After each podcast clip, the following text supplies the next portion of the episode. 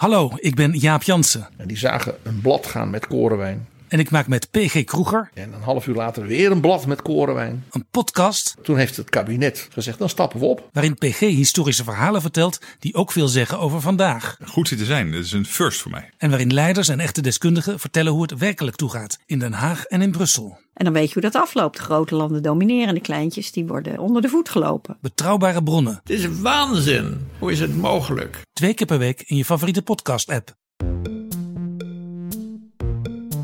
Fijn dat je luistert naar Boeken FM, de literaire podcast van de Groene Amsterdammer en Das Mag.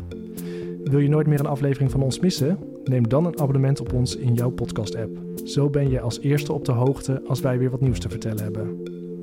Wij doen ook vreugdedansjes als we een mooie recensie of gouden sterren van jullie krijgen in jouw podcast-app. En je helpt je medemens omdat wij dan ook beter zichtbaar zijn in hun podcast-apps. Zit je met een vraag of heb je opbouwende kritiek voor ons? Mail dan naar boekenfm.dasmag.nl.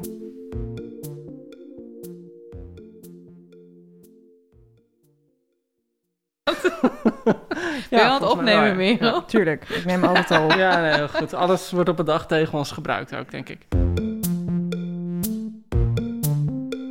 Ik vind het heel fijn dat we weer bij elkaar zijn Ja. in levende lijven Ik op ook. eh, heel veel afstand, maar Ja. toch heel erg mooi jongens.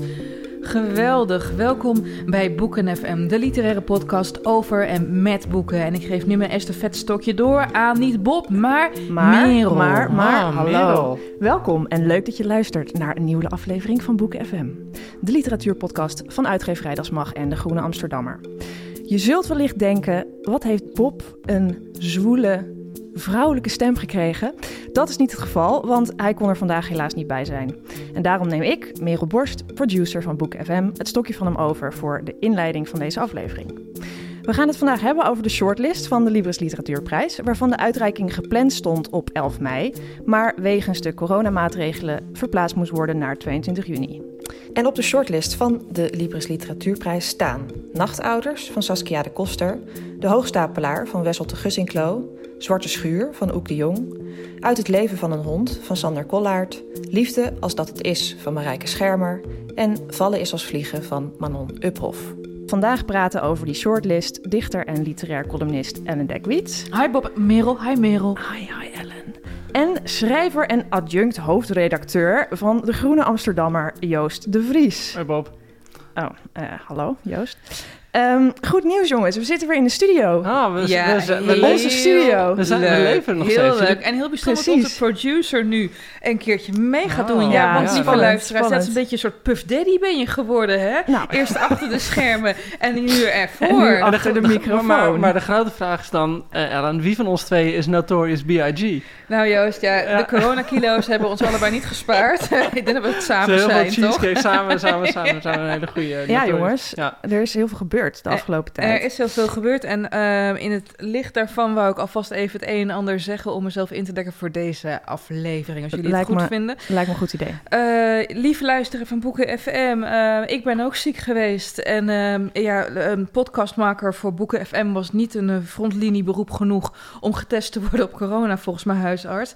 Maar ik heb een maand uit de running gelegen met ja, projectielhoesten, wangen als inductieplaat, de longcapaciteit van een Limburgse mijnwerker. Ik was goed weg. En toen ik terugkwam was ik ook nog steeds helemaal verpieterd. Ik, eh, mijn longfuncties zijn achteruit gegaan. Ik eh, sportte voorheen drie keer per week. En nu eh, ja, word ik moe als ik de trap oploop. Dus eh, mijn concentratie is ook een beetje weg. En daarom heb ik niet alle boeken gelezen voor deze aflevering. Dus dit was mijn context. Ik Jouw heb context? drie boeken gelezen. Yes. Zeg ik er meteen bij. Eh, boek van Saskia de Koster, Manon Uphoff en Marijke Schermer. Dus het is allemaal heel erg oestrogeen geladen. Joost, wat heb jij allemaal gelezen? En, en Joost, hoe gaat het met je rug? Want daar is iedereen natuurlijk Oh, wacht zeer Er heel naar. veel, heel veel mails over gehad. En eh, mensen die zich zorgen maakt. Misschien wel mensen die zich aanboden om het te masseren. Eh, die mails heb je allemaal niet allemaal doorgestuurd, Merel. Dus. Maar ik ga ervan uit dat ze er waren. Zo Joost. Ehm, mijn rug gaat goed. Ja, mijn matras werkt. Ik slaap als een baby. Ehm, Nou, dat is goed om te ja, het is eigenlijk gewoon... eh, ik ben eigenlijk de hele coronacrisis buitengewoon gezond doorgekomen. Het is nu dat de restaurants weer open ging... dat ik bij het tweede restaurant dat ik ging eten... meteen een voedselvergiftiging kreeg. Dus ik ben, eh, ik ben er weer een paar corona-kilo's lichter. En eh, ik ben blij dat ik gewoon weer ergens ben... en gewoon met mensen ergens zit... en, en jullie allemaal weer eens eh, in het echt te zien. Nou, dat is helemaal wederzijds, Hm. wat mij betreft. Nou, Wat heb je gelezen, Joost, van de shortlist? van de shortlist heb ik alles gelezen behalve eh Wessel de Gussenglo. Waar lag het aan? Ja, was niet van gekomen, of... ja, ik weet niet. Op een of andere manier keek, zat ik de hele tijd op tegen dat boek. Ik weet niet helemaal precies waarom. Heb je Ook eerder iets omdat het- van hem ja, gelezen? Ja, ik heb wel eerder andere dingen van hem gelezen. Het gekke is dat hij heeft natuurlijk echt zo'n hele serie boeken, de Gussenglo, over hetzelfde hoofdpersoon. Eh, gaat eigenlijk heel erg over de, de, ja, de beelddoen en de, de intellectuele en de seksuele en ja, noem maar op, eh, ontwikkeling van een, een puber, een jonge jongen. Eh, en soms heb je dan echt, als je dan bij een boek instapt van een reeks die al langer bezig is, dat je dan denkt, ja, maar kan ik, kan ik er nog wel bij komen of moet ik dan eerst die eerdere boeken ook lezen? Mm. Dus ik heb deze niet gelezen, maar de rest eh, wel. Waarvan ik erbij moet zeggen dat ik, en dat is soms dat is ook wel het leuke van zo'n, van zo'n literatuurprijs. Ik zat net te kijken, Marijke Schermer heb ik vorig jaar juni gelezen. En Manon Uphoff vorig jaar eh, augustus. Ja. Ja. Het is Dus vind het gekke dat zo'n prijs een jaar later wordt uitgereikt. En dan nu ook nog eens weken en weken later eh, door die coronacrisis. Wat volgens mij wel heel zuur is voor de genomineerden. Want anders heb je altijd dat fijne diner in het Amstel Hotel. En Ja, de tierenlantijntjes en Ja. allemaal opnames, cameraploegen die eh, van tevoren iedereen in gala-kleding. En nu zitten de mensen volgens mij gewoon thuis. Ja, weet in je, een weten jullie joggingbroek. hoe ze het gaan doen? Ja, is met het een allemaal digitaal? Zoom-vergadering. Met een Zoom-vergadering. Dat Oh. is dus heel Ja, jammer. echt, want, echt heel Oh, jammer. joy. Ja, Ja. Dus, de- dus voor de luisteraars die normaal hun leven in een graf allemaal doorbrengen... het is echt altijd wel een feest, hoor. De uitreiking van de Ja. Libris Literatuurprijs. Ik heb de afgelopen jaar ook met veel liefde het eh, feest gecrashed. Dat, Oh, ik, eh, dat ik yes. gewoon binnenkwam en dan... Ik woon namelijk 50 meter verderop. Dan kon, schonk ik thuis gewoon een glas kraanwater in. Dan kwam ik binnen. hey, hallo, weet je, zonder jas. Ik ben er eindelijk. En eh, ik kwam er elk jaar mee weg. Wat ik echt heel aardig vond, dat ze me niet van afschopten. Ah. Maar dit jaar kan dat dus niet eens Nee. meer. Gewoon stiekem infiltreren in de Zoom-vergadering. Oh, dat vind ik een uitstekend idee. Het schijnt heel Incognito. makkelijk te Oh, zijn. dat kan heel makkelijk, ja. Ja, Ja, dat, er gewoon erin. Ja. dat er gewoon bij de uitreiking iemand zegt zit af te shoren. Je bent zo charmant, Joost. Toon van stijl en elegantie. Ehm Merel, wat heb jij allemaal Ja. gelezen van de lijst? Want Ik heb alle boeken gelezen. Nou ja, ik heb er eentje halverwege uit het raam gegooid. En welke was daar, nou, misschien moeten we daar zo meteen even Dun, op komen. dun, dun. Dat, dit is een cliffhanger voor jullie, lieve luisteraars. Ehm, laten we het eigenlijk als volgt doen. Laten we eerst alle zes boeken in vogelvlucht bekijken. Waar gaat het over? Wat vonden we er zo ongeveer van? Wat moet, wat moet jij er als luisteraar mee? En dan gaan we de diepte in. Ja, even een korte samenvatting. En we beginnen met eh, Nachtouders van Saskia de Koster. Wil jij daar iets over zeggen, Ellen? Ja, Nachtouders eh, van Saskia de Koster gaat over hoofdpersoon Saskia... die met haar echtgenoot Julie en hun pasgeboren, of al een jaar oude zoontje Sal... naar het eiland gaan wat bewoond wordt door de familie van de spermadonor van Sal. En eh, het is eigenlijk een boek wat gaat over hoe je als een niet-biologische ouder je verhoudt tot nageslag... maar daarmee doe je de vertelling zelf tekort. Het gaat over nog veel meer, over de vraag wat liefde is... wat bij een groep horen is, wat de risico's zijn van op een eilandje met z'n allen wonen. Het, eh, eh, het, het stelt vragen over familie waar je vandaan komt, hoe dat een mal kan vormen voor het soort gezin dat je later wel of niet gaat zijn. Kortom, het is eh, een soort familieroman, maar dan net even anders. Joost. Ja, nee, dat, dat is het inderdaad. Het is, eh, ik weet niet, dat het kwam uit een NRC, die had zo'n groot stuk erover. Een beetje zo'n verwijtend stuk, dat het allemaal te veel autofictie zou zijn. Hi Thomas de Veen. Eh, en daar zat ik over na te denken, dat ik ook dacht, ja, maar het, het voelt, het, het is inderdaad... Het valt denk ik in de categorie autofictie. En als je Saskia kent, eh, zou je vast allemaal dingen erin herkennen. Tegelijkertijd dacht ik, ja, maar dit is gewoon hoe je dit verhaal vertelt. Het zou ook heel onwaarachtig zijn om er een ander soort verhaal van te maken, denk ik. Of een, een soort bombastische roman.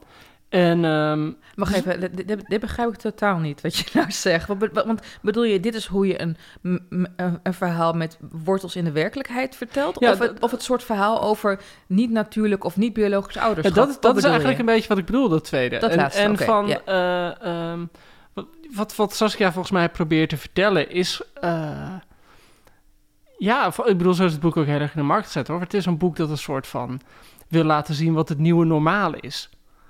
Eh, heel terecht. En eh, ja, dan vind ik het eigenlijk heel goed passen dat het gewoon als een soort van. eh, dat het niet in fictie wordt verpakt met, met allemaal duidelijk verzonnen personages, maar dat het juist heel erg het uitgangspunt van de, het leven van de schrijfster zelf heeft. En ik vind dat Saskia dat ja, op een hele soepele manier doet. Ja, ja, ik weet niet of, het, of ik het echt een boek vind over het, over het nieuwe normaal. Maar um, het is wel de vraag van hoe kunnen nieuwe vormen van ouderschap uh, in een samenleving een plek krijgen waar ze voorheen geen deel van uitmaakten. Dat vond ik er heel interessant. Ja, maar dat, dat is toch het nieuwe normaal eigenlijk? Gewoon het nou feit ja, dat we op een nieuw... Ja. Nou, nou ja, nieuwe normaal, dan denk ik nu aan dat ik op anderhalve meter Ja, oké, ja, nee, je hebt geen nieuw... Het, het, het, inderdaad, sinds het boek van Saskia uitkomt, ja. heeft de, term nieuw normaal een soort van nieuwe definitie. Het nieuwe nieuwe normaal. Ja, het nieuwe nieuwe... Ja, of eigenlijk is het een oude nieuwe normaal, wat, wat Saskia... maar, maar, maar goed, uh, uh, maar ik begrijp wel dat je het een goed boek vond, uh, Joost. Je, je vindt het een waardig lid van deze shortlist. Ja, ik vind het. Nou, en ik, wat ik er ook leuk aan vond in, in die zin. Kijk, ik bedoel, je kan wel zeggen dat. Uh, er zijn natuurlijk gewoon heel veel autofictieboeken verschenen de laatste, laatste paar jaar. En daarvan vind ik Saskia een van de betere, uh, van de betere edities. En dan is het ook wel leuk dat dat ook terugkeert op de shortlist. Gewoon. Dat dat op die manier. Uh, dat zo'n beweging, of nou boeken van Ninier Wijers zijn of van Maartje Wortel. Ik denk dat we nog een hele zooi kunnen noemen. Dat, dat er gewoon een van die titels de shortlist haalt. Dat vind ik staat wel voor een beweging, denk ik. Dus je bedoelt van mensen die voorheen echt fictie schreven en nu autofictie? Ja, maar zie jij het niet als autofictie? Jazeker, jazeker. Maar um, wat ik interessant vond, dat tot punt maakte Thomas, mijn geweerde collega bij NRC, trouwens uh, ook in de kant, is um, uh, veel, veel, jonge auteurs die uh, een overstap maken naar dat mag, die hebben opeens een verhaal dat uit hun eigen leven komt, of dat wortels daarin heeft. Dan zie je ook bijvoorbeeld Brechtje Hofstede, ja. Marjolein van Heemstra natuurlijk, mm. met, ja. en we noemen hem. En dat vond ik op zich wel een interessante observatie. En kijk, uh, de mensen in mijn omgeving, ik heb een paar diehard uh, de Koster-fans in, in, mijn omgeving. En die zeiden wel van, die, dit, met dit boek was het Love or Hate. Uh, want de romans die ze hiervoor heeft uitgebracht ja, waren ja. heerlijk absurdistisch. Weet je wel, dat je denkt van, hé, wat, wat, heeft iedereen geslikt, geweldig. En dit is anders. Ja. Ik, ik weet niet of... grimmiger of nou, laat ik zeggen, soberder van toon. Misschien, misschien ja, ook is wel grimmig hoor. Ja, het is grimmig. Ja, het zeker. Het is. Ja. Maar goed, nu, dit, dit begint alweer een heel diepte lezing Ja, te worden. Maar eerst, uh, eerst deze. Merel, wat vond jij ervan? Ik had wel een love. Dus ja, Ja? ik, eh, het was het eerste boek van haar dat ik las. Mhm. En eh, ik moest er wel even inkomen.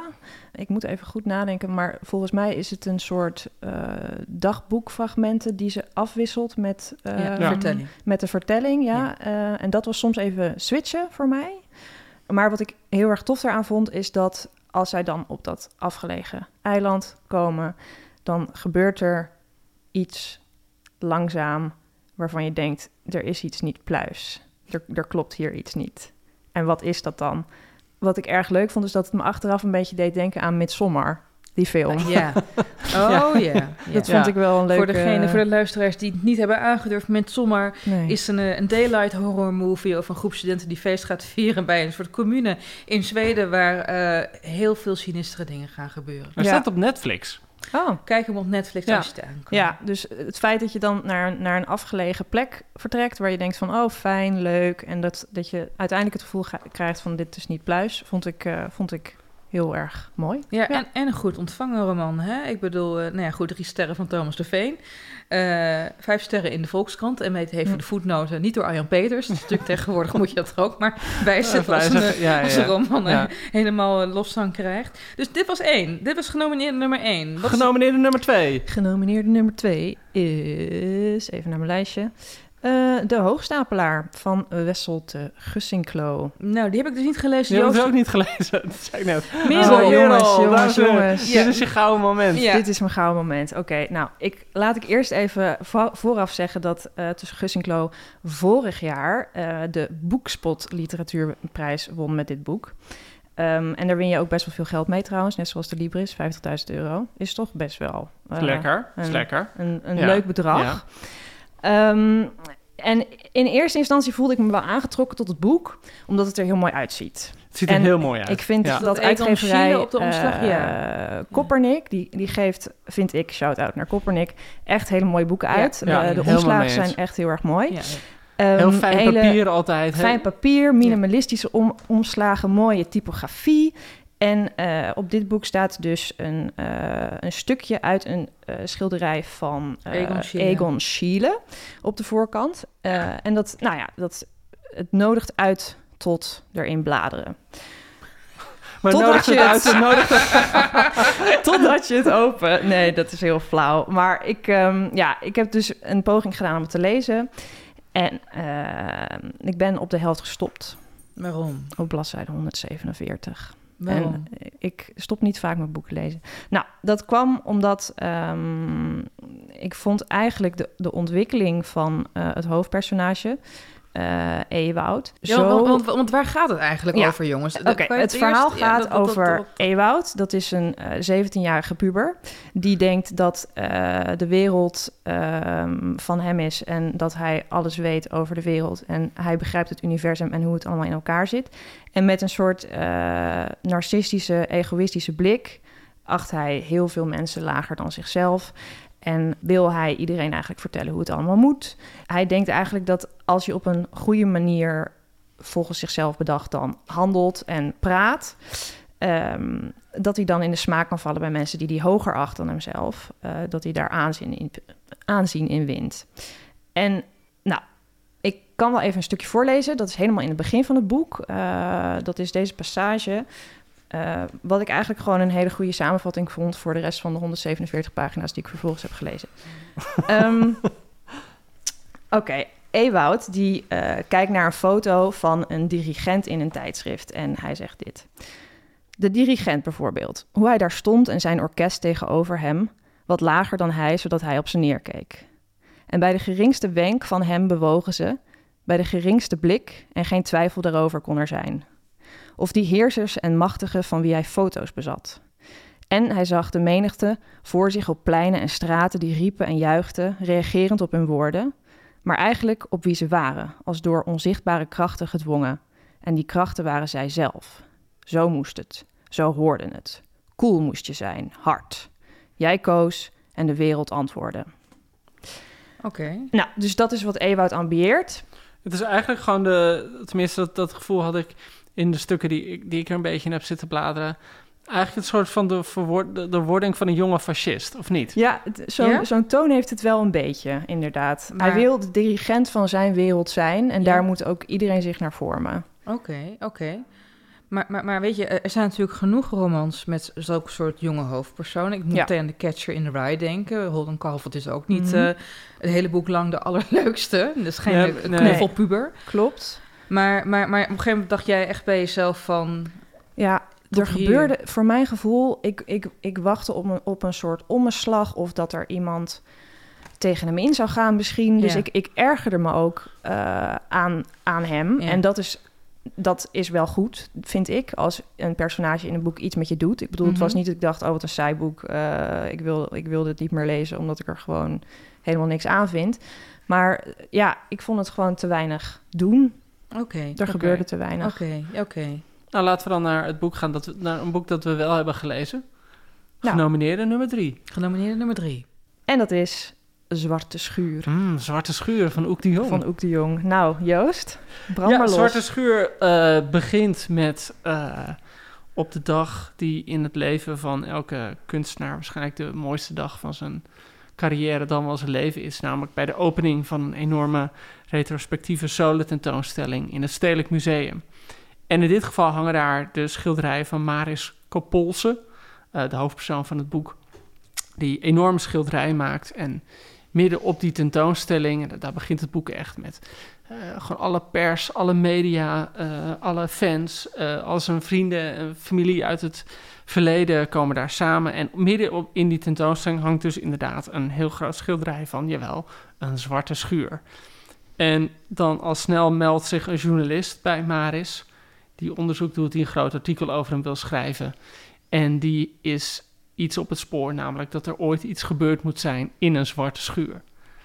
En daar gaat eigenlijk het boek over. Het boek is echt een soort van, op een hele klassieke manier, een psychologische roman over een kunstenaar die al zijn eh, ja, inspiratie haalt en eigenlijk zijn leven leeft op basis van iets dat er vroeger is gebeurd in de zwarte schuur. Ik bedoel, de titelverklaring van het boek, weet je wel, voor, voor iedereen die dit op scholieren.com opzoekt, iedereen die dit Ja. voor zijn schoolwerkstuk weet, krijg je altijd de vraag, wat is de Voor titelverklaring? Dat iedereen Ja. denkt, ha, die weet ik. En ehm, eh, eigenlijk is het een hele psychologische zoektocht. Er is iets gebeurd met een, een, eh, een vriendinnetje, eh, allemaal al heel noodlottig. Ik zal het niet ver- ver- verklappen. En dat, ja, dat hij onderzoekt heel erg hoe, Oek de Jong onderzoekt heel erg hoe dat doorwerkt in het leven. En hoe de manier, hoe, de, hoe Maris eh, in de kunsten staat en in het leven staat. Ja, Vat ik het daarmee goed samen, vind je? nou vind ik wel. Wat vond je ervan? Ehm, Want, je- want je zou kunnen zeggen, ik heb het niet gelezen. En eh stel je voor, dit was nu aan mij gepitcht als uitgever. Ik dacht, nou oké, een boek over een kunstenaar. nou, kijk, ik vind het wel grappig. Interessant. Ik Ja, vind het wel ja. grappig als je, als je het bijvoorbeeld vergelijkt met eh, nou, het boek van Saskia, De Ja. Koster, Nachtouders. Ja. Dat is echt zo'n boek van nu. En ook de Jong, het boek, of weet je, het boek van Saskia, laat ik zo zeggen, zou alleen nu geschreven kunnen zijn. En het boek van Oek de Jong had de afgelopen honderd jaar op elk moment geschreven kunnen zijn. En, en daarin, als ik dat zo Hmm. zeg, klinkt dat een beetje als een waardeoordeel. En dat, dat is het misschien ook kan wel ook een een beetje. positief waardeoordeel zijn. Dat maar het ik bedoel gewoon zeggen, het is heel tijdloos. Het is heel Ja, klassiek. Ehm, dus, en, en tegelijkertijd maakte dat voor mij ook iets minder interessant. Omdat ik altijd... Waar ik nooit zo van hou in literatuur... omdat ik ook denk dat het leven niet zo werkt... is dat een soort van één-op-één relatie is tussen... oké, er is dit gebeurd in iemands leven... en dus is iemand de rest van zijn leven precies zo en zo Hmm. dan wordt het zo één op één, terwijl natuurlijk honderd dingen tegelijk gebeuren in het leven. Dus het voelde voor mij heel erg aan als hoe een romanschrijver een leven duidt. Terwijl als je een leven leeft, voelt dat volgens mij anders aan. Joost. Dus op die zin vond ik het een beetje te klassiek psychologisch. Oké, oké. Ja, maar doe- dat, dat, maar dat is natuurlijk altijd dubbel in romans, toch? Ik bedoel, je, je probeert grip te krijgen op wie je bent geworden... en de omstandigheden waarvan je vermoedt die daartoe hebben bijgedragen. Ja, goed, maar En- als je, als je, eh, kijk, ik bedoel, zo meteen komen we bij bijvoorbeeld het boek van Sander Kollaert, wat Ja. ook helemaal over het leven gaat, maar op Ja. zo'n duizeling weg, dat, dat voelt veel meer aan als het leven, zeg Ja. maar, laat ik het zo zeggen. Oké. En ik bedoel, van hoe kan je een hoop zeggen, maar hij schrijft gewoon haarfijn. Er staat geen slechte zin in. Hij is heel. eh, ik bedoel, het is echt een enorme vakman. Ja. Eh, maar als ik, als ik dat vergelijk met de vorige boeken van Oek de Jong, ook werd als kind, waar echt zo'n enorme eh, verlangen in zat en een soort van bijna gekmakend, gekmakende passie. eh, of of ehm, wat hij daarna schreef, Pier en Oceaan, wat ik echt magistraal vond, vond ik dit een beetje te klassiek. Te klassiek. Ja, en wat, wat, wat- volgens mij gaf jij net een hint, eh, Merel, wat jij hiervan vond. Ja, ik had één ding dat me heel erg opviel. En dat was toch wel de lichtelijk seksistische lading in dit boek. Oeh. Ehm, ja, en daar heb ik me wel aan gestoord. Ehm, er zitten niet zo heel veel vrouwelijke personages in het boek. Dat is op zich niet zo erg. Maar ehm, ze krijgen niet echt een stem. En als ze een stem krijgen, dan is het bijna altijd gelinkt aan iets seksueels, voor mijn gevoel.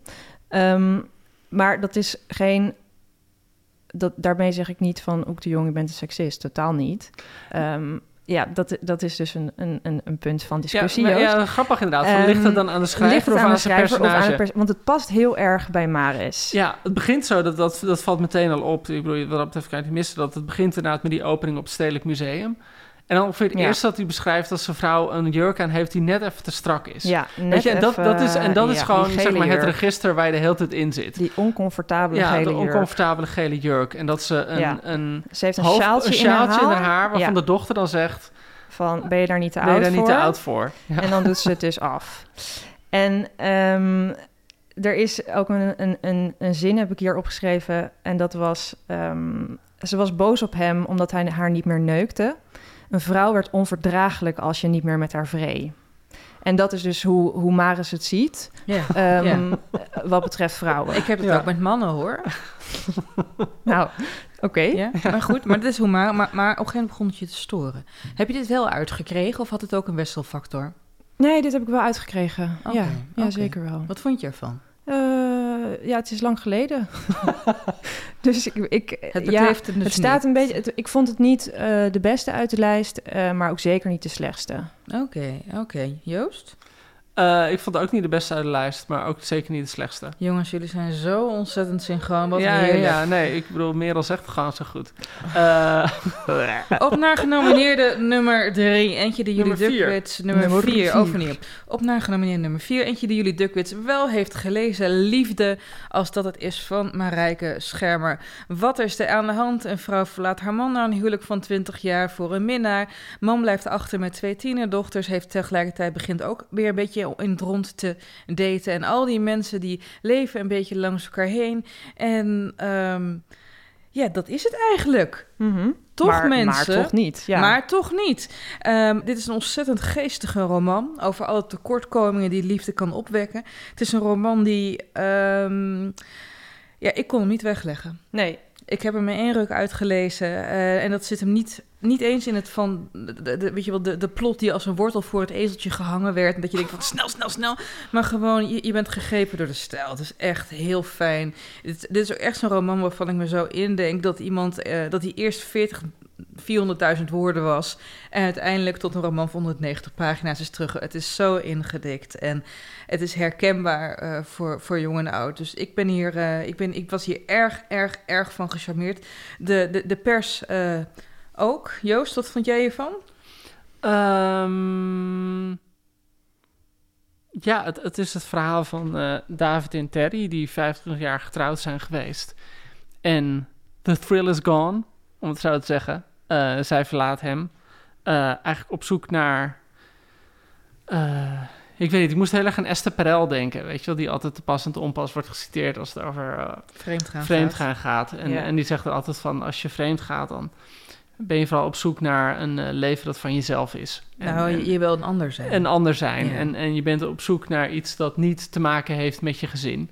En dat is volgens mij wat die Terry heel erg heeft, dat, dat haar gezin heeft haar hele leven overgenomen. En die David gaat daar afhankelijk heel erg ja, gezapig in. Die, die ziet het leven als niet meer dan dat, gewoon dat gezin. En zij krijgt op alle mogelijke manieren, ehm, ja, krijgt ze het op de heupen. En dus je hebt die lijn, eh, hoe zij opnieuw verder gaan, hoe ze nieuwe, eh, nieuwe relaties aangaan ook. En er zit een verhaallijn in over die kinderen. En dat vond ik eigenlijk nog de leukste verhaallijn op een of andere manier. Ja? Ja, omdat ik dat het, het, meest, eh, het meest onvoorspelbaar vond. Oké. Want wat, wat, ik, wat ik er wel bij moet, moet zeggen... ehm, kijk, ik ben... Laat ik eerst dit zeggen. Ik ben best wel fan van Marijke, Marijke Schermer. Ik heb Hmm, toen Noodweer. uh, Noodweer gelezen. Dat was haar vorige roman. En ik, ik overdrijf niet als ik zeg dat ik die echt minstens aan tien mensen cadeau heb gedaan. Wow. Dat vond ik echt een, een van de beste romans die de afgelopen vijf jaar in Nederland is altijd een verschenen. boeken waar je heel erg dol op bent. Hè? Dan geef je die Ja, dus nee, cadeau. maar- Dus het is een 10 op de schaal van de Fries cadeaufactor. Ja, de, in de cadeaufactor Ja. Eh, scoort dit goed. Tien, ja, ja. Ik, ik bedoel, ik heb Misschien geen... moeten daar stickers van komen. Ja, ja. Ja, ja, inderdaad. En eh, dat vond ik echt een magi- magistraal boek. Dat was echt een, eh, ook een, een roman over een relatie eh, die onder hoogspanning komt te staan. Omdat het gaat over een stel dat eh, buiten de stad is gaan wonen eh, in de provincie. Op de uiterwaarden van een rivier. En die rivier begint over te stromen. Dus dat huis komt steeds meer in gedrang. Nou, dat is natuurlijk nogal een opzichtige metafoor. Maar best een prima metafoor. En het gaat eigenlijk heel erg over die spanning in dat huwelijk. Zit hem erin dat ehm, het vrouwelijke hoofdpersoon is iets overkomen toen ze hem heeft leren kennen, wat ze nooit aan hem heeft verteld. Ze is namelijk eh, eh, aangevallen door iemand en verkracht. En dat is net gebeurd toen ze hem voor het eerst heeft ontmoet. En ze heeft hem toen gewoon weken niet willen zien. En nooit aan hem verteld wat er gebeurde. Omdat ze dacht, als ik dit vertel, dan besmet dat alles. En ik wil gewoon niet dat die gebeurtenis die macht heeft. Maar ja, dat wordt dan zo'n geheim dat steeds groter groeit. En ehm, ja, ik weet niet of ik het einde moet verklappen. Mag ik het einde verklappen? Nee, Nee. ik Oh, wil het heel jammer. graag nog Oké, lezen. ja, oké. Nee, je moet- je moet het lezers, echt lezen. Ja, oké. dit is echt een tip. Het is, het is ook net als, net als dit boek. Het is echt 180 pagina's. Ja. En het, is- het gaat heel erg over theater. Dus Het begint met gewoon zo'n gesprek dat ze in het theater zijn. Dat ze gewoon heel... Op zoveel manieren. En wat Marijke Schermer echt heel goed kan is... En dat zit ook... Want ik heb toen na Noodwaar eh, haar eerste boek gelezen... Mensen in de Zon. Wat ook heel echt vol met... Gewoon hele slimme menselijke observaties zit. Dat ik heel denk, wauw, zo goed gezien. Ja, Zo goed heel gezien. scherp, ja. Eh, en dan kom ik dus bij dit boek met een enorme omweg. Eh, het heeft eigenlijk hele goede besprekingen gehad. eh, behalve in de groene had het een iets mindere. ja. En nou, dat, dat, trouw, ook, trouw was ook iets minder enthousiast hoor. En- maar daar kom ik zo misschien nog even op. Mijn collega Marja Pruis schreef van het heeft wel een hele hoog Corine Kolen gehalte. Naar de rubriek in de Volkskrant Magazine. En dat snapte ik wel helemaal. En wat mij, wat mij uh, een beetje irriteerde aan het boek, wat ik gewoon jammer vond, is dat de personages helemaal worden teruggebracht tot een liefdesleven. Ah. Dat ik echt denk, wauw, hebben ze geen levens daarbuiten dan? En het wel grappig is, want ik las een paar maanden of een paar weken geleden een interview met Marijke Schermer in de Volkskrant of in de NRC, weet ik meer. Het waren een soort van identieke interviews. En toen vertelde ze dat, haar, dat ze heel weinig over het, weet je, de, het werk van de, haar personage schreef. En dat haar redacteur toen tegen haar zei van... Goh, Marijke, moet je niet wat meer over hun carrières erin stoppen? En dat zij toen dacht van nee, dat ga ik er allemaal uithalen. Het moet juist helemaal over de liefde gaan. Mm. Uh, dus, dat, dus die keuze kan je denk ik alleen maar respecteren. Maar voor mij maakte dat het ook... dat ik dacht, ja, oké... Okay, die liefde die ken ik wel op een bepaalde manier. In principe dat, dat verhaal van een huwelijk dat heel hecht is, een gezin dat hecht is, en dat door die hechtheid zichzelf een beetje verstikt en dat de passie wegdrukt. Dat is in principe, ja jongen, dat, dat is toch wel een verhaal dat je gewoon heel vaak hoort. Ja, ja en, en, en bezwaar dat werd gemaakt in uh, de trouw door Gemmer van der Werf in de, re, in de recensie is dat het meer een analyse is van hoe liefde bij veel in veel gevallen werkt. Nou, zeker liefde na een fliks ja. aantal jaren huwelijk. Ja. Maar dat de analyse nog geen verhaal is. En dat het eigenlijk meer een soort reexcatie is geworden. Wat er gebeurt wanneer ja, liefde aan het uh, uitwerken is. Ja, en daarom vond ik die verhalen van die kinderen heel goed. Omdat daar, dat gaat dan ja. over die oudste dochter. En die krijgt dan iets met... Ja. Is een Marokkaanse jongen? Ja, Marokkaanse uh, jongen. En, en op een of andere manier weet je niet wat daar gaat gebeuren. Dus ik merk dat ik daar steeds heel benieuwd naar was. Ja. Um, en kijk, het punt is... Mar Marijke Schermer... Uh, schrijft gewoon geen lelijke zinnen. En net als in de vorige boek zitten heel veel slimme observaties over en menselijk gedrag. dialogen zijn. Ja, die, ja, je kan zien dat ze echt ja. uit de theaterwereld komt. Van die dialogen zijn geweldig. Ja. Wat, Miro, geef me even door aan jou, want, Ja. want jij zit er ook nog bij. Ja, ik vond het echt eh, fantastisch. Ja, waar zat het dan in? Ja, ik heb daar, ik heb erover nagedacht, want als je dan zo'n boek hebt, dat heb ik dan niet vaak, dat je openslaat en je, je wil gewoon niet stoppen met lezen. Mhm. Maar ja, dat is dus die wortel. Waar komt het dan door? Ehm, ik denk dat ik heel erg gefascineerd was door uh, dat ze zo goed kan beschrijven wat voor impact die, die, die scheiding heeft op ieder gezinslid Mhm. aan zich. En ehm, dat ze daarbij heel erg een gelaagdheid in de diepte van de karakters creëert. Dat vond ik echt heel erg, heel erg knap. Mhm. Dat vader en moeder, ik ben even hun namen kwijt, uh, afzonderlijk met Terry dingen... en David. Terry en David, Ja. oh ja, oké. Dat zij afzonderlijk met dingen worstelen waar eigenlijk de ander ook mee worstelt. Maar waar ze dan niet achter komen, omdat de communicatie spaak loopt. En dat ze bijvoorbeeld bepaalde dingen verzwijgen, omdat ze bang zijn voor de gevolgen ervan. Ja. Als ze eerlijk zouden zijn. Maar eigenlijk verzwijgt de ander in bepaalde eh, dingen ook hetzelfde. Ja, een heel schrijnend voorbeeld daarvan vond ik dat zowel Terry als David geen idee heeft dat ze elkaars eerste bedpartner waren. Ja, dit, dit Ja, soort dingen. Dit soort dingen. Ja, Oh, het is een beetje net als met, met eh, Ordinary People van Sally Ja, Rooney. moest Je ik altijd denkt van, denken. zeg het nou gewoon tegen Ja. elkaar. Dan is Ja. het geen probleem. Ja, dat, En ook daar wilde je heet doorlezen bij Sally Rooney. Ja, Hoewel er ook bezwaren tegen verliet te maken. Maar oké, oké, goed. Gaan we over naar het leven van de hond. van Sander. van Sander Kollaert. Nou, heb je daar liggen? Mag ik het even hebben? Ja. Wat vond jij ervan, eh Merel? Ik heb me echt rot gelachen. Ja? Ik vond het een heel erg leuk boek. Ik denk dat Joost even beter de eh, soort korte samenvatting van het verhaal kan doen. Het begint zo, het boek. En doe jij de analyse en de lagen? Nee, nee, nee. ja, precies. Nee, ik heb wel een stukje dat ik wil voorlezen. waardoor het zo grappig is. Oké. Het hart klopt, denkt Henk van Doorn als hij wakker wordt. En het bloed stroomt. Goed beschouwd is dat het verstandigste wat je erover kunt zeggen. Het is een merkwaardige gedachte en een onwaarschijnlijk begin van de dag. Van zijn herwonnen bewustzijn. Maar het doet in ieder geval wat een begin hoort te doen. Het suggereert een vervolg. Maar die eerste gedachten dienen zich nieuw gegevens aan. De ruimte waarin hij zich bevindt, zijn slaapkamer. De tijd, ergens tussen 8 en 9. En het weer, zonnig. Van harte gaat het niet. De nieuwe gegevens komen aanschokken als pubers die net wakker zijn en met zure, stuurse gezichten aan de ontbijttafel gaan zitten, beledigd dat er weer een nieuwe dag in de maag is gesplitst. Henk slaat de nieuwe gegevens van enige afstand gade, nog loom en zwaar op de matras. Dat het een zaterdag is, dat Schurk gisteravond niet helemaal lekker leek en misschien iets verkeerd heeft gegeten. Dat hij later vandaag zijn, ver- zijn jarige nichtje Rosa moet bellen. De hoeveelheid informatie groeit en daarmee zijn bewustzijn en de man die hij is. Henk van Doorn, IC-verpleegkundige, 56 jaar oud. Ja, Ja, het is jammer dat hij dit boek niet een jaar later had geschreven, want dit is van februari 2019. Hmm.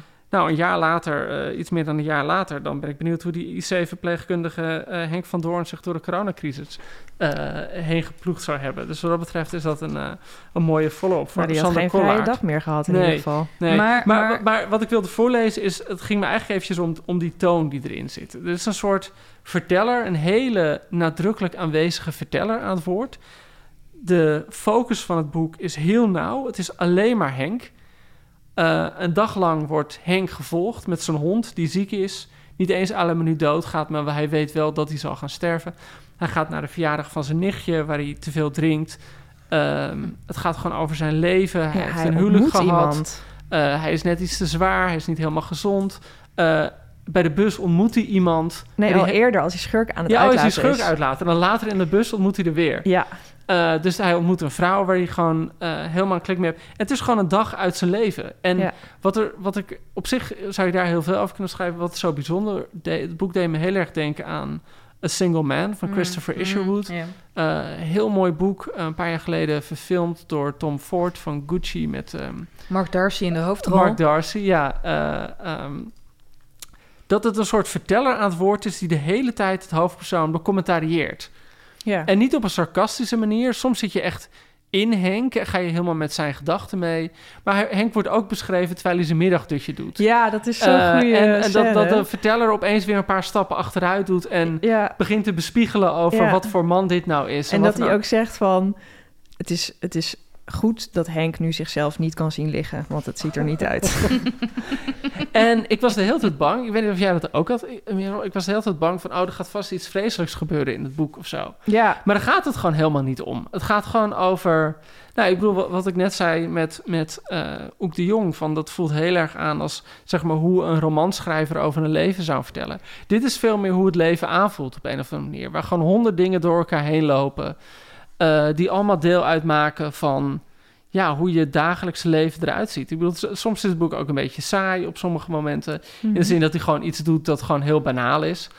Ehm, ja, dat hij kaas gaat kopen ja, dat hij kaas gaat kopen, En dat het heel ja. warm buiten is. Ja, en dat hij dan dat- zo met die zweetkaas in een plastic Ja. zakje zo over straat loopt. En dat hij dan met die hond hebt die, die, die de hele tijd niet wil lopen. En dan moet hij die hond weer tot aan beweging zetten.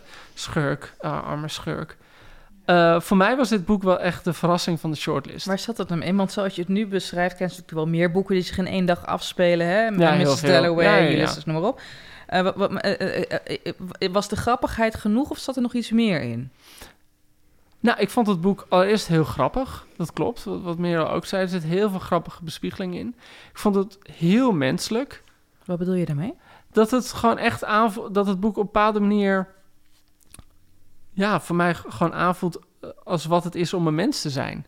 Om je gewoon door de dag heen te ploegen met alle Mm. kleine dingetjes die je aandacht opvreten en alle kleine frustraties die je hebt. En soms ook gewoon dingen die heel mooi zijn. Die verhaallijn met het nichtje is heel mooi. Die verhaallijn met die vrouw die je ontmoet is heel mooi. Het is helemaal geen hard boek. Het is een heel zacht boek. ja, heel zacht. Ehm, Ja. En dan plus nog eens die gewoon die hele eh, ja, opdringerige, maar ook op een, op een leuke manier opdringerige vertelstem. Die, ik had echt het gevoel van de verteller heeft het, het verhaal echt met twee handen beet en bepaalt precies wat er gebeurt. Eh, ik had al eerder wat van Sander Kollaert gelezen, zijn verhalen. Die vond ik ook wel mooi. Beetje saaiig, maar wel mooi. En, en dit was echt... eh, nou, dus- Sander, dat je het weet. dus, ik, eh, eh, dus eh, nou ja, het was verder ook een mooi boek. Dus, Die verhalenbundel was verder ook, ook goed of zo. Maar gewoon niet, de, van die verhalen waar niet heel veel in gebeurde. Mhm. Gewoon meer dat iemand zich iets herinnert dat dan niet blijkt te kloppen. Gewoon dat soort verhalen. En ehm, dit, dit, heeft, dit heeft me echt van begin tot eind helemaal vastgehad. Hmm. Weet jij dat ook, Merel? Eh, ik had dat eigenlijk alleen met schermer. Ah, maar toch was je heel enthousiast over deze roman. Ja, zeker. Het heeft me ook wel vastgehouden, maar ehm, ja, schermer was toch echt nog een tikkie daarbovenop. Maar ik vond het erg leuk aan dit boek dat ik zo gelachen heb. Dat is ook belangrijk. Dat is, dat is ook belangrijk. Ja, er is één stukje, dat zal ik even voorlezen. Eh, Henk die, eh, die gaat ehm, naar een verjaardagsfeestje in de tuin. En ehm, daar ehm, nou ja, zegt hij hallo tegen Julia, de gastvrouw van de avond. Julia zwaait en vervolgt dan haar gesprek met een forse vrouw in een kort zwart jurkje dat op de buik bezet is met lovertjes. Rond de schouders heeft ze een rode doek. Henk herkent de keramiste, Janet, nee, Frederik, nee, Sonja, nee, maakt niet uit, die even verderop in het dorp een atelier heeft. Ze maakt vazen die gestileerde vrouwenlichamen voorstellen, een verbeelding van moeder aarde, als Henk het goed begrijpt. Ze heeft het hem wel eens uitgelegd in een gesprek dat verliep als een terminale ziekte, ondraaglijk en met een fatale afloop, namelijk Henks voornemen om nooit meer een woord met haar te wisselen. Het is hem een volstrekt raadsel waarom Freek en Julia zo innig met de vrouw bevriend zijn. Hmm. Ja, ik moet daar heel erg om lachen. Het is erg uh, zwarte humor, maar Mhm. bij mij scoor je daar wel punten mee. Oké, oké, oké. Top. Laatste genomineerde van de lijst. Manon Uppel. Oh ja. Vallen is als vliegen. Ik, eh, ik, ik heb dat boek eh, ruim voordat hij op de shortlist belandde eh, al gelezen. Thomas de Veen kwam al eerder voorbij. Mijn gewaardeerde NRC-collega had ik vorig jaar aan de telefoon. Ik, we hadden het over koetjes en kalfjes en vooral waarom ik mijn deadline niet aan het halen was. En toen zei hij trouwens, ik ben een boek aan het lezen, joh. En de volgende dag heb ik het meteen gehaald. En ik heb het ook echt in één ruk uitgelezen. Wat is er in deze roman aan de hand? Ehm, er wordt verteld over de geschiedenis van seksueel misbruik in een gezin, eh eh, gefictionaliseerde gezin waarin Manon Uphoff zelf, of ondergetekend zoals ze zichzelf noemt in de roman, opgroeide. En in plaats van dat je zou verwachten, wat wel vaker het geval is bij misbruikboeken, dat mensen of helemaal het empowered slachtofferschap weet je wel gaan uitdragen van, eh, van ik heb het overleefd, ik ben sterker geworden, of dat ze gewoon vervallen in het leven is kut en dit heeft me altijd vernietigd, weigert zij en de, haar medeslachtoffers, haar zussen, om zich hierdoor te laten tekenen. En ehm, de stijl in dit boek was hetgene wat me echt heel erg greep. Het is poëtisch, het is over de top. Eh, sommige mensen zijn er daardoor ook niet doorheen gekomen, maar dit was echt gewoon alsof ze een woordenboek had ingeslikt en maar beelden bleef braken. Ze vergelijkt eh, de mishandelende, misbruikende vader met de Minotaurus. Het, het, het, is, het is een mix van magie, ehm, gezinsproblemen en tegelijkertijd wordt het nergens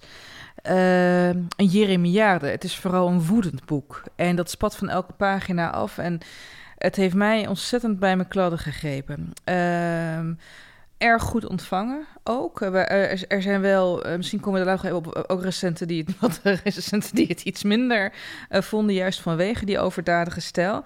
Maar ik vond dit echt overdonderend. Het eerste boek van Manon Uphoff in tien jaar tijd. En het is, ja, het, heeft, het, was, het was echt een dreun. Merel, wat? Nou, nee, Merel. Eh, ja, heftig boek. Ja? Ja, vond Vanwege ik het wel. onderwerp of hoe het werd Van, geschreven? eh, allebei. eh, nou ja, het gaat dus over seksueel misbruik eh, van haar en haar zusjes. En de, ja, de passages waar- waarin het beschreven wordt, zijn echt verschrikkelijk. Ja. Eh, echt verschrikkelijk, dat je gewoon, nou ja, je moet het bijna wegleggen. Ja. Of ik moet het bijna wegleggen.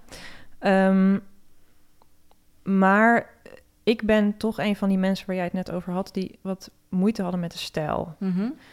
Ehm, omdat ik soms het gevoel had dat ik er niet helemaal doorheen kwam. En ik denk dat dat was omdat ze zoveel gebruik maakt van metaforen. eh, en die ook zo lang uitrekt soms. Ehm, ja, dat ze soms gewoon te lang waren, naar Nou, mijn eh, mening. Ik, ik vind het wel grappig wat je zegt. Want bijvoorbeeld die misbruikscènes die erin zitten, die op zich heel terughoudend zijn hoor, in hoeveel er zijn. Ja, Eh, klopt. Die zijn bijna helemaal als metafoor opgeschreven. Ja, d- Dat vind, dat vind ik ook het bijzondere aan het boek. Dat het nergens een soort van sentimenteel wordt. Omdat het zo gestileerd wordt gebracht.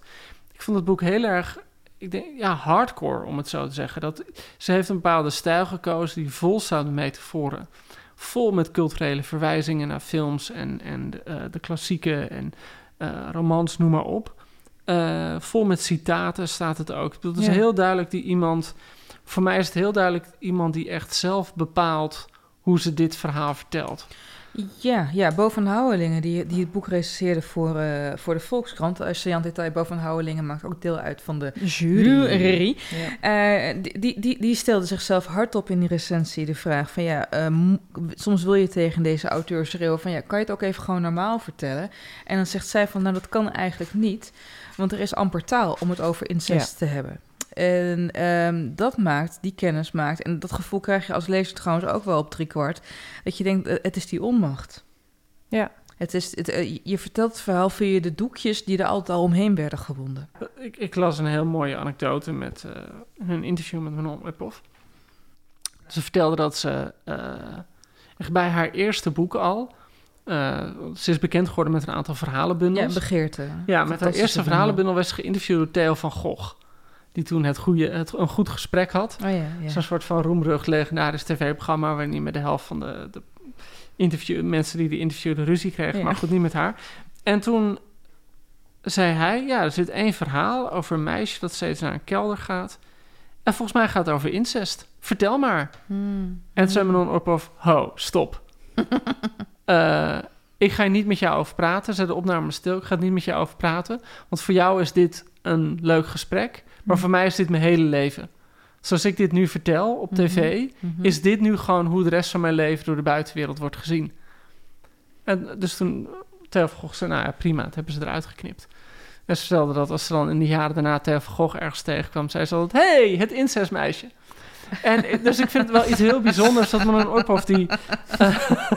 Jezus. Eh, dus ik vind het wel, wel, Man, wel man, man. bijzonder dat men een eh, ja, na al die jaren eh, toch gekozen heeft dit, dit te doen. En je, je merkt dat, dat eh, ze volgens mij over elke zin twintig keer opnieuw heeft geschreven. En precies zo heeft weten te passen dat er geen centimeter meer wordt verteld dan, er, dan ze wil vertellen. Hmm. Eh, het doet me denken aan van die boeken waar ik het wel vaker over heb gehad... van zo'n Britse schrijver, Edward St. Alban... die ook in zijn jeugd misbruikt is. En die zei altijd in interviews... ja, dat het moeilijke is dat in zo'n boek stop je precies wat je wil vertellen... en geen millimeter meer. En dan is het vreselijk dat als zo'n boek dan uitkomt... dat je dan in allemaal interviews gevraagd wordt... nou, wat is er gebeurd? Vertel maar. Ja. Terwijl jij natuurlijk... en, en ik bedoel, Manon Uphoff heeft natuurlijk echt heel duidelijk gekozen... voor al die metaforen en die verwijzingen... omdat het ja, een verhaal is dat je nooit helemaal eh, zomaar bloot kan geven, denk ik. Het is wel grappig, hè, want het boek kwam uit en volgens mij voordat het boek uitkwam, eh wa- waren mensen Auke Huls er echt al over aan het tweeten en Ja. op Instagrammen. Het boek werd heel erg eh, enorm. eh, ik geloof dat het lievelingsboek ooit van Zoom was, die gewoon volgens mij elke week een, een nieuwsbericht eh, over schreef. Met de Groene hadden we met de Boekenweek dit jaar een top 21 hadden we een hele grote enquête uitgezet meer dan 100 mensen uit het literair veld gevraagd naar hun, eh, wat zij de beste boeken van deze eeuw vonden. Nou, dit boek haalde de top 9 al. En natuurlijk ook omdat het heel recent is, maar dat was echt Mm. eh, eh, ja, heel opvallend natuurlijk. Ehm, Is, het dat, gek, het is, ge- is dat terecht voor jou, Joost? nou, wat het wel is, denk ik, dit is meer een boek dat je bewondert dan dat je van houdt. Eh, en als je het vergelijkt met Manon Uphoff, dat is een boek dat ik steen goed vind en dan heel veel mensen cadeau geef. Mhm. Dit is een boek dat ik steen goed vind, maar dat ik het niet, dat ik niet aan mensen cadeau Zo zou van je nichtje is geslaagd. Hé, hey, luister. Ja, ja. Hier een boek. Ja. Ja, nee, niet eens zozeer door het Nee. onderwerp, maar ook omdat het gewoon...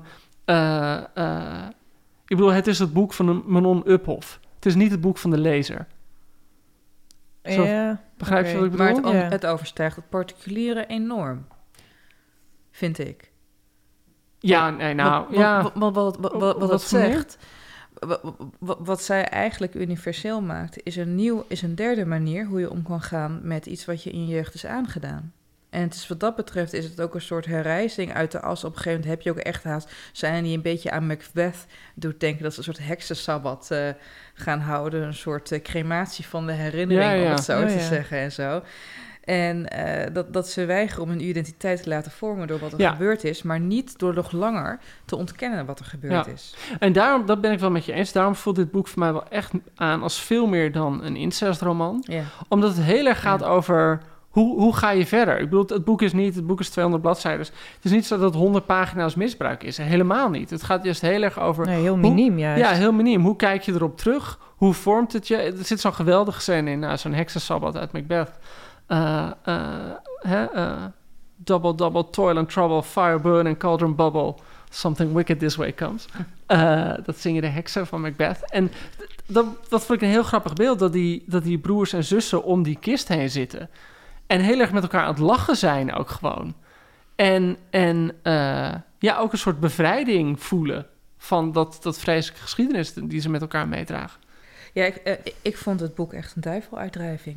Ja, Wat knap hoor. Oké jongens. Ja, nog één dingetje Sorry. over Uphoff. Ja. Ehm, wat ik dus wel heel erg eh, fijn vond aan dit boek was dat ik wel zeker weet dat ik hem graag wil herlezen. Oh ja, ik ook. Ja, ik Ja, ook. Dat klopt wel, absoluut. ja. Omdat je dan, Oh, je, bent ervan, argument, je bent ervan overtuigd, dan ga ik zeker weer nieuwe dingen eh, ontdekken in dit verhaal. Ja, ja, ja. Dat- dus dat vond ik wel heel sterk Ja, daaraan. het is zo rijk geschakeerd.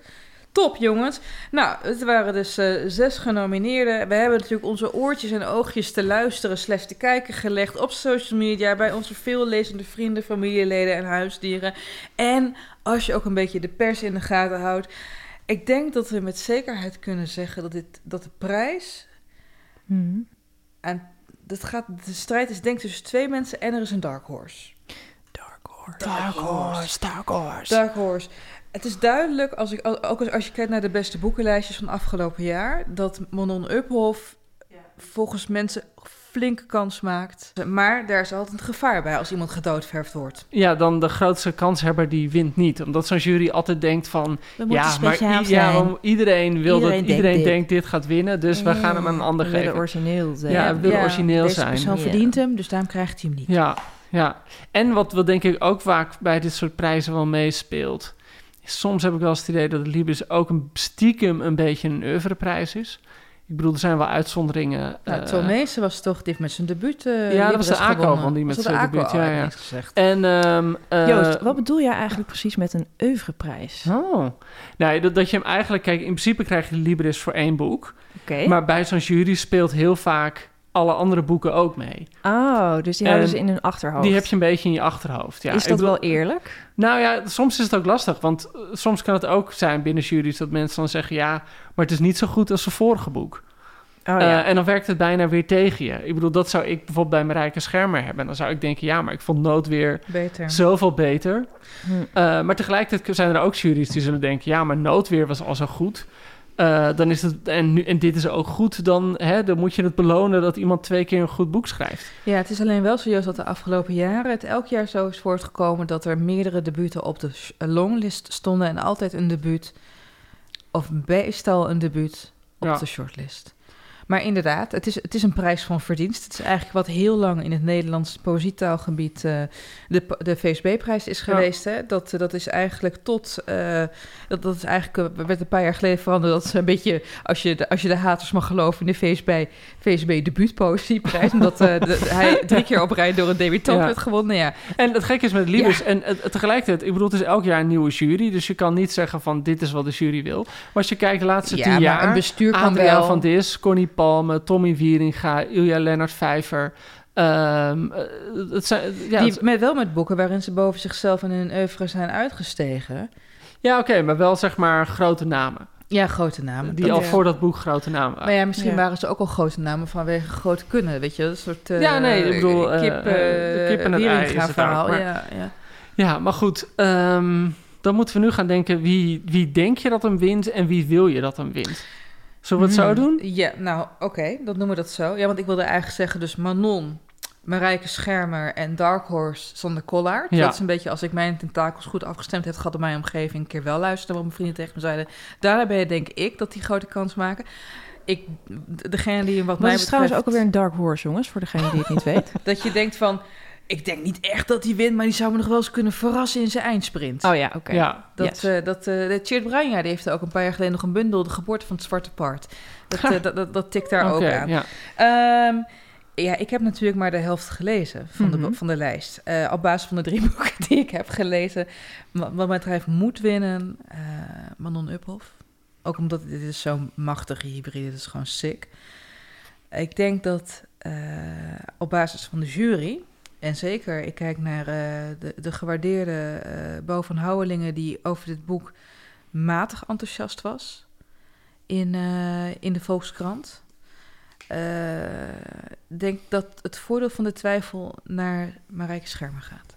Oké. En die gegund, natuurlijk. Maar, en, en, en een Dark Horse, dat ik denk, ik zou niet verrast zijn als Sander Kollaert als winnaar uit Als een wint, ja. twee, oké, eh, twee, ja. twee honden vechten om één eh, dag. Ja, ja, ja, zoiets, ja. Nou, ik, is, ik heb eens even een beetje onderzoek gedaan. Oh, En ehm, vertel over je onderzoek. op basis van de man-vrouw ratio van de Libris Literatuurprijs... kunnen we er wel een soort van van uitgaan dat een man hem gaat winnen. Namelijk Hmm. de eerste uitreiking van de Libris, dat was in 1994... gewonnen door Frida Vogels, eh, een vrouw dus. En In de opvolgende 25 jaar hebben er eh, maar twee keer een vrouw gewonnen. Echt waar? Connie Palme Connie en... Palme en eh D. Hooyer. Hooier, Wat met en Sleurs en roofdier. Fantastische bundel. Sleur is een het- roofdier. ja, Heb jij het volgens mij al een keer over Ja, gehad? heerlijk, Ja, ja, ja. heerlijk, heerlijk, Ja. heerlijk, heerlijk.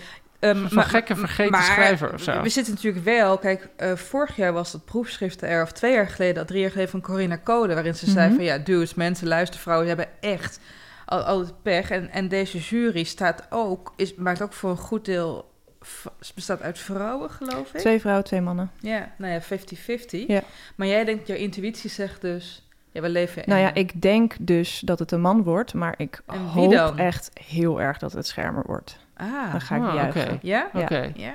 Ja, en, ja, en, ik vond en- het echt geweldig. Je hoopt schermer. Je denkt dus als het een man wordt, wie, wordt, wie denk je dan op basis van de jury als het een... eh, Oeh, dat weet ik niet. Op basis van de jury, dat vind ik erg moeilijk. Ja, nou ja, Het is goed. wel echt een beetje gênant dat er in 25 jaar maar twee vrouwen hebben gewonnen. Ja, drie dus in totaal. Ja. Ja. Hm. Gênant. Ja, nee, ik wilde net zeggen van dat ik het Sanne Collard heel hard gun. Maar als ik, dan- als ik dan die lijst zie, dan denk ik, oké, dan, dan moet het maar. Ehm, ik, Mhm. als, Lief ik, als ik zou moeten geld moeten inzetten, zou ik hem op Rijke Schermer inzetten. Eh, maar ik denk, of ik hoop dat Manon Uphoff hem wint. Ook omdat Ja. dit het boek is voor Manon Uphoff. Dat is een hele goede schrijfster. Ze is een hele goede schrijfster. Maar dit is het boek dat je maar één keer in je carrière kan schrijven. Mhm. En dit, Ja. is het, van Marijke Schermer is dit een boek dat je nog heel veel vaker kan maken op andere manieren.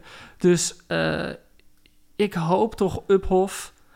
En mocht Sander Kollaert hem winnen, dan ben ik ook heel tevreden. Eh, maar ik, ik gun hem Uphoff het meest. Oké jongens, dan, dan zijn we er denk ik doorheen. Yes, volgende Dan, keer eh, weer met Bob. Volgende keer met volgende Jannie keer Rechnerus. Gaan we. Jannie Rechnerus bespreken. Ehm, de nieuwe roman. Ik hoop dat je er het vaker bij bent. Het eh, Wolkenpaviljoen? het Wonkelpaviljoen. Ik Het hoop dat je er vaker, vaker fijn bent. Nou, je je bent bij was, sowieso altijd... Ja, ik vond het heel je gezellig bent er sowieso jullie. natuurlijk altijd bij. Ik maar nu er weten mensen bij ook dat je kan praten. stilte. Mensen weten nu ook dat ik kan praten. is toch wel fijn dat ik een mond heb, een lippen Ja. en zo. Ja, top. Oh, Hey, maar ehm, sexy. Als jullie... Jezus. eh, Sorry, sorry, sorry, sorry, sorry. Haal je hoofd uit de groot. Als je als luisteraar nou denkt, Joost is een eikel, Joost zijn of je microfoon denkt, uit? eh, je wil even wat vragen aan Ellen of Joost, dan kan dat. Stuur je vragen of opmerkingen, eh, kritiek of haat of liefde naar boekenfm.dasmag.nl en dan eh, ja, hoor je ons de volgende keer. Dankjewel Merel, dankjewel Joost. Dankjewel, Merel. Dankjewel, Ellen. Dankjewel, Ja, jongens. sorry, sorry, sorry voor alles. Oké, Ja, ja, doei. daarvoor. Neem een downer. Doei.